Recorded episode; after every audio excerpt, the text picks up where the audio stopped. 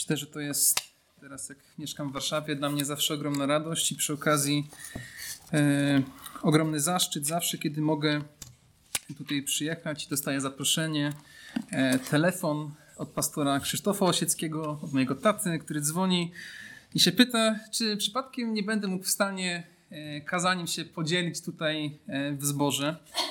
E, Jak dzwonił właśnie na początku tego tygodnia do mnie, to właśnie pytał się, czy, czy mogę dzisiaj e, też e, usłużyć.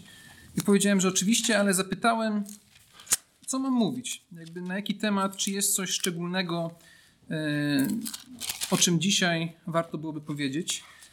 I powiedział mi dwa proste słowa, e, które gdzieś tam mi przez tym tygodniu się zapamiętały. I powiedział: Głoś krzyż.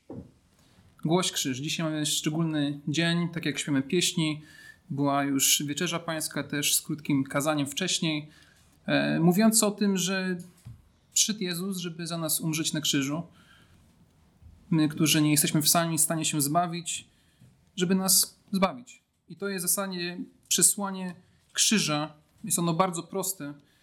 I ono się skupia w dwóch częściach, że człowiek nie jest sam w stanie się zbawić, ale Boży Syn przychodzi, ponieważ zbawienia nie ma jak inny sposób zdobyć. Nic innego zbawienia zapewni. Ani żaden inny człowiek, ani ja sam. Nikt nie jest w stanie się zbawić. I dlatego właśnie przychodzi Chrystus, żeby to nam zapewnić. I chciałem się dzisiaj przyjrzeć właśnie troszkę w nawiązaniu tej pieśni, która była chwilę temu zaśpiewana, tego jestem troszkę nią e, poruszony, e, bo ona w szczególny sposób przedstawia to, o czym chciałbym dzisiaj powiedzieć, o królu, który poświęca się sam za swój lud. To nie jest król, który przychodzi zdobywać, on zdobywa w inny sposób, on poświęca się za ludzi, których dla siebie przygotowuje. I zachęcam was, żebyście otworzyli i czytamy wspólnie e, piąty rozdział e, objawienia świętego Jana i czytamy wiersze od 6 do 10. E, Objawienie Jana, piąty rozdział, wiersze od 6 do 10. Jest to niesamowity obraz widoczny. Jest to tak zwana sala tronowa, gdzie właśnie jest Boży, Boży tron. Wokół niego są anioły, są niesamowite istoty, które kładą się i oddają cześć Bogu. I potem pojawia się kolejna postać. I tą postacią właśnie teraz będziemy nad nią się zastanawiali. Objawienie świętego Jana, piąty rozdział od wiersza 6 do, do 10. Wtedy zobaczyłem baranka, jakby zabitego. Stał między tronem i czterema istotami oraz między starszymi. Miał siedem rogów i siedmioro oczu, które są siedmioma duchami Boga, rozesłanymi na całą ziemię. Podszedł on i wziął zwój z prawej ręki tego, który siedział na tronie. Gdy baranek przejął zwój, upadły przy nim cztery istoty. Upadło też przed nim dwudziestu czterech starszych, z których każdy miał cytrę oraz złotą czaszę napełnioną wonnościami, czyli modlitwami świętych. Zaśpiewali oni nową pieśń i treści. Godny jesteś wziąć zwój i zdjąć jego pieczęcie, gdyż byłeś zabity, a swoją krwią nabyłeś dla Boga ludzi z każdego plemienia, z każdego języka, ludu i narodu. Uczyniłeś ich dla Boga królestwem i kapłanami. Będą oni królowali na ziemi. Wówczas usłyszałem głos wielu aniołów otaczających tron istoty oraz starszych, a ich liczba wynosiła miriady, miriad, tysiące tysięcy i ogłaszali donośnie godny jest zabity baranek wziąć moc i bogactwo, mądrość i siłę, cześć i chwałę. Godny jest zabity baranek. Godny jesteś, gdyż byłeś zabity, a krwią swą nabyłeś dla ludu, ludzi, dla Boga ludzi z każdego plemienia, języka i narodu. Panie Boże, tak Ci dziękujemy za to, że posłałeś swojego Syna Jezusa Chrystusa, który stał się Bożym barankiem, który poniósł nasze grzechy na krzyż, po to, żeby móc wykupić swój lud i przeznaczyć go dla siebie. Panie, Tobie niech będzie chwała. Panie, prowadź nas teraz w, tym rozważaniu Twojego słowa. Tobie niech będzie chwała, Panie, w imieniu Jezusa Chrystusa. Amen.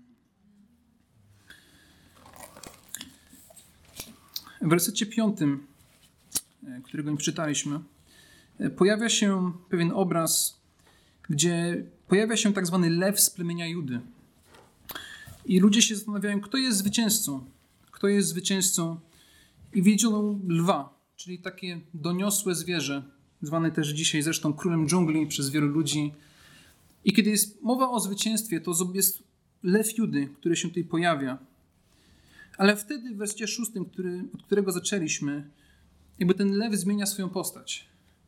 I zamiast lwa, który jest zdobywcą, który jest zwycięzcą, pojawia się baranek.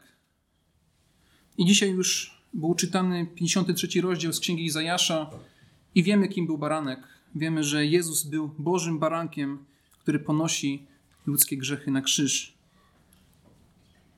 Więc ten baranek okazuje się być tym zwycięzcą, który zdobywa ludzkie dusze, zdobywa ludzkie serca. I to okazuje się, że to właśnie jego zwycięstwo na krzyżu jest tym, co nabywa dla niego ludzi. Zwróćcie uwagę na werset dziewiąty. Godnie jesteś wziąć zwój i zdjąć jego pieczęcie, gdyż były zabity, a swoją krwią nabyłeś dla Boga ludzi z każdego plemienia, języka, ludu i narodu. To, co jest najistotniejsze w tym fragmencie, to jest krew Chrystusa. To jest najcenniejsza, najcenniejsza rzecz, jaka istnieje na świecie, że Bóg sam siebie poświęca. To nie jest jakiś Bóg, do którego my musimy się w szczególny sposób dobić. To nie jest Bóg, któremu musimy w jakiś sposób zasłużyć. To nie jest Bóg, do którego musimy gdzieś wjechać jakąś szczególną windą, wejść kolanami po kolejnych schodach naszego dobrego życia. To jest Bóg, który sam się zniża do nas, sam się za nas poświęca, po to, żebyśmy my mogli Jemu służyć. Jego ofiara nie jest ograniczona w żaden sposób, dla nas zrozumiały. Jezus nabywa swoją krwią ludzi z każdego plemienia, z każdego języka, z każdego ludu, z każdego narodu. To nie jest już tylko Bóg Izraela, to jest Bóg i Polaków, i Amerykanów, i Rosjan, i wszystkich innych narodów na świecie. Każdy człowiek może dzisiaj przyjść do Chrystusa. I Kaszubów oczywiście. To, to jest oczywista rzecz. Więc mamy, mamy baranka, który sam siebie poświęca. I wydaje mi się, że często, kiedy patrzymy na, na różnych władców, na to, jak się zdobywa kolejne narody, to wydaje się, że zawsze zwycięstwo musi być jakoś siłowe, jakieś polityczne. Często są różne seriale, które były gdzieś tam nagrywane, które pokazują, że muszą być jakieś intrygi. W jakiś sposób trzeba tutaj, tutaj innych ludzi podejść. A tu się okazuje, że tutaj Bóg sam siebie poświęca. Chrystus sam siebie poświęca i swoją krwią nabywa swój lud. Ten aspekt drogocennej krwi Chrystusa pojawia się również w pierwszym liście Piotra.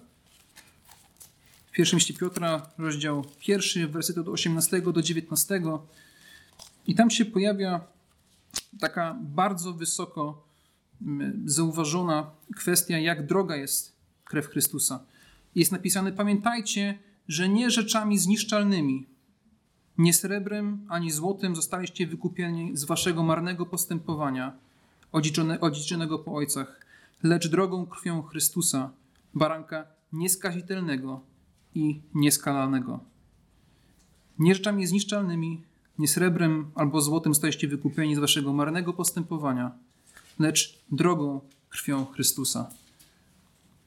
I oczywiście tutaj jest przykład złota, jest przykład srebra, czyli jak na tamte czasy jedne z najważniejszych, najdroższych kruszców na świecie, rzeczy, które są niezwykle wartościowe. Dzisiaj zresztą też złoto, srebro są niezwykle wartościowe i wielu ludzi też zbiera złoto, zbierają pieniądze. I dla wielu ludzi ci pieniądze stają się jakby niezwykle istotnym aspektem ich życia, że tylko to jest celem w ich życiu. I myślę, kiedy wyobrażamy sobie dużą ilość bogactwa, każdy ma troszkę inny aspekt tego, co to znaczy bogactwo, co znaczy wiele, to jeżeli sobie wyobrazimy najwięcej pieniędzy, ile tylko jesteśmy sobie w stanie wyobrazić, i jeszcze pomnożymy to razy nieskończoność, to będzie mniej więcej tyle, ile ofiara Chrystusa wynosiła za jednego człowieka. W Ewangelii Mateusza pojawia się przypowieść o tym, ile dłużnik był dłużny swojemu Panu. I kiedy Jezus mówił o tym, to mówił o tym, że tam jeden z tych dwóch sług, które się tam pojawia, jest winny 10 tysięcy talentów, co się przeliczało na tamte czasy mniej więcej na, na taką ilość pieniędzy, jaką jedno państwo zbierało w podatkach w ciągu roku. I oczywiście to był obraz, który miał przedstawić dług jednego człowieka wobec Boga, dług, który jest w żaden sposób niemożliwy do spłacenia. I się okazuje, że kiedy Chrystus umiera na krzyżu, to on to spłaca całkowicie. I ten dług jest wymarzony. Wyobraźcie sobie, macie dług ogromny i nagle jednego dnia ten dług zostaje całkowicie spłacony. To się stało w Chrystusie za każdego wierzącego. Każdy, kto oddał mu swoje życie, tego w swoim życiu doświadczy. Także można powiedzieć, że łaska jest darmowa. Myślę, że łaska jest dostępna dla każdego, łaska jest za darmo, ale za łaskę, którą my dzisiaj otrzymujemy za darmo, była zapłacona ogromna cena. Ogromna cena była zapłacona po to, żebyś ty i ja dzisiaj mógł doświadczyć Bożej łaski za darmo. To nie jest coś, co powinniśmy traktować delikatnie. I myślę, że Wielki Piątek to jest taki szczególny dzień, gdzie faktycznie przypominamy sobie ponownie, mamy taki szczególny namysł nad tym, co faktycznie znaczy ofiara Chrystusa w naszym życiu. Jeden z moich pastorów akurat w Warszawie mówi, że dla niego Wielki Piątek to jest najważniejszy dzień w ciągu roku. To jest jego najważniejsze nabożeństwo dla niego w ciągu roku, bo faktycznie przygotowuje się do tego w taki szczególny sposób i ma taki wielki namysł nad tym, co to znaczy w jego życiu i to go porusza za każdym razem. I myślę, że tak faktycznie gdzieś w naszym życiu powinno być, ale nie, nie tylko wtedy, kiedy jest Wielki Piątek, a wtedy, kiedy się zastanawiamy nad tym, ile nam Chrystus przebaczył. Pytanie tylko jest takie, z czego nas Chrystus wyrwał. Co jest, czym jest to, z czego nas Chrystus wyrywa? Dlaczego w ogóle Chrystus musiał się za nas poświęcić? Już dzisiaj e, pastor Krzysztof czytał fragment z listu do Rzymian z piątego. Ja bym chciał Was zachęcić, żebyście otworzyli list do Efezjan, drugi rozdział.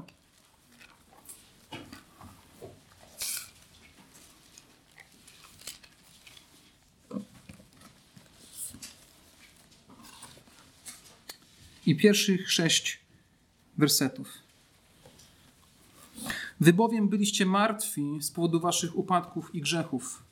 Żyliście w nieuwikłani jak inni w obecnym wieku tego świata Służyliście władcy sfer powietrznych, który rządzi duchem działających w nieposłusznych ludziach. Do takich ludzi zresztą my wszyscy niegdyś należeliśmy. Targały nami rządze ciała, jego pragnienia, jego pomysły. Byliśmy z natury warci gniewu, zupełnie tak jak pozostali. Jednak Bóg hojny w swym miłosierdziu, kierując się wielką miłością do nas, i to z martwych upadków, ożywił nas z Chrystusem, bo z łaski jesteście zbawieni. On nas wraz z Chrystusem przywrócił do życia i wraz z Nim umieścił na wysokościach nieba. Uczynił to w Chrystusie Jezusie. Tu jest bardzo prosta myśl, która się w tym zawiera. Jaką apostoł Paweł stara się przekazać, mówi, że dopóki nie jesteście w Chrystusie, jesteście sługami szatana. To jest bardzo odważna myśl, ale zauważcie, że dopóki byliście uwikłani, jak inni w obecnym wieku tego świata, służyliście władcy sfer powietrznych, i to jest oczywiście władca, szatan, moce, jakkolwiek byśmy tego nie opisali, to się okazuje, że my jesteśmy w zupełnie innym miejscu. To są dwie rzeczywistości, w których żyjemy. Albo jest rzeczywistość ciemności, rzeczywistość grzechu, w jakiej znajdujemy się w stanie początkowym, z jakiej nie jesteśmy w stanie sami się wyrwać. I potem jest rzeczywistość światłości, jest rzeczywistość Bożego Królestwa, w której dzisiaj znajduje się każdy wierzący. Kiedy czytaliśmy na początku w objawieniu, że staliśmy się nowym kapłaństwem, królestwem kapłaństwem, to jest mowa o tym, że mamy nowe przeznaczenie. Mamy nowy sens w naszym życiu. Nie żyjemy już targami naszymi porządliwościami, ale żyjemy dla Chrystusa. Mamy nowe przeznaczenie, mamy nowy cel w życiu. Jesteśmy już nie martwi duchowo, a jesteśmy już żywi duchowo, jesteśmy ożywieni w Chrystusie Jezusie. Jak miałem jakiś czas temu spotkania młodzieżowe, to omawialiśmy właśnie między innymi ten fragment z listu do Efezjan.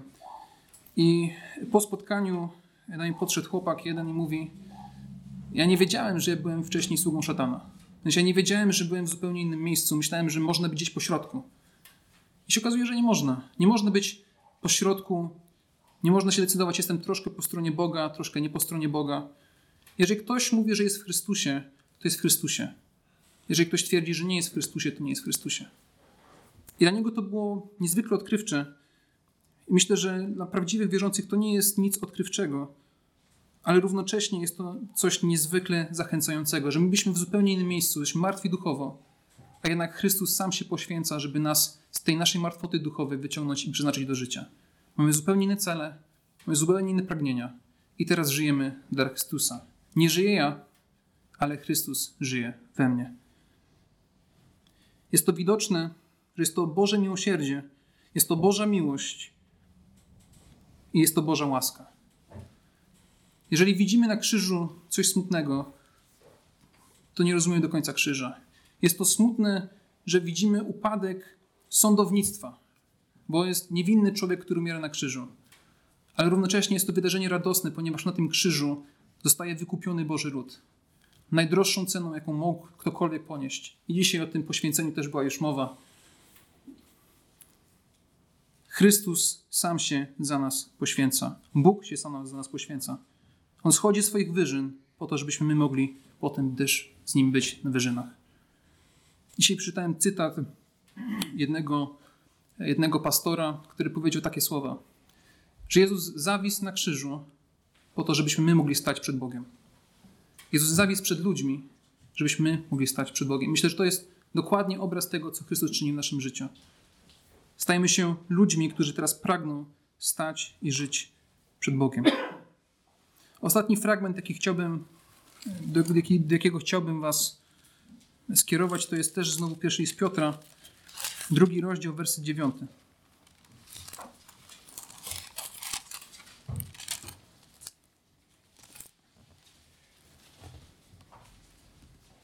Dziewiąty i dziesiąty. Ale wy jesteście rodem wybranym, królewskim kapłaństwem, narodem świętym, ludem nabytym, by rozgłaszać wspaniałość tego, który nas wyrwał z ciemności i wprowadził w swoje zachwycające światło. Wy, którzy niegdyś byliście nie ludem, teraz jesteście ludem Bożym. Dla was niegdyś nie było miłosierdzia, a teraz go dostąpiliście.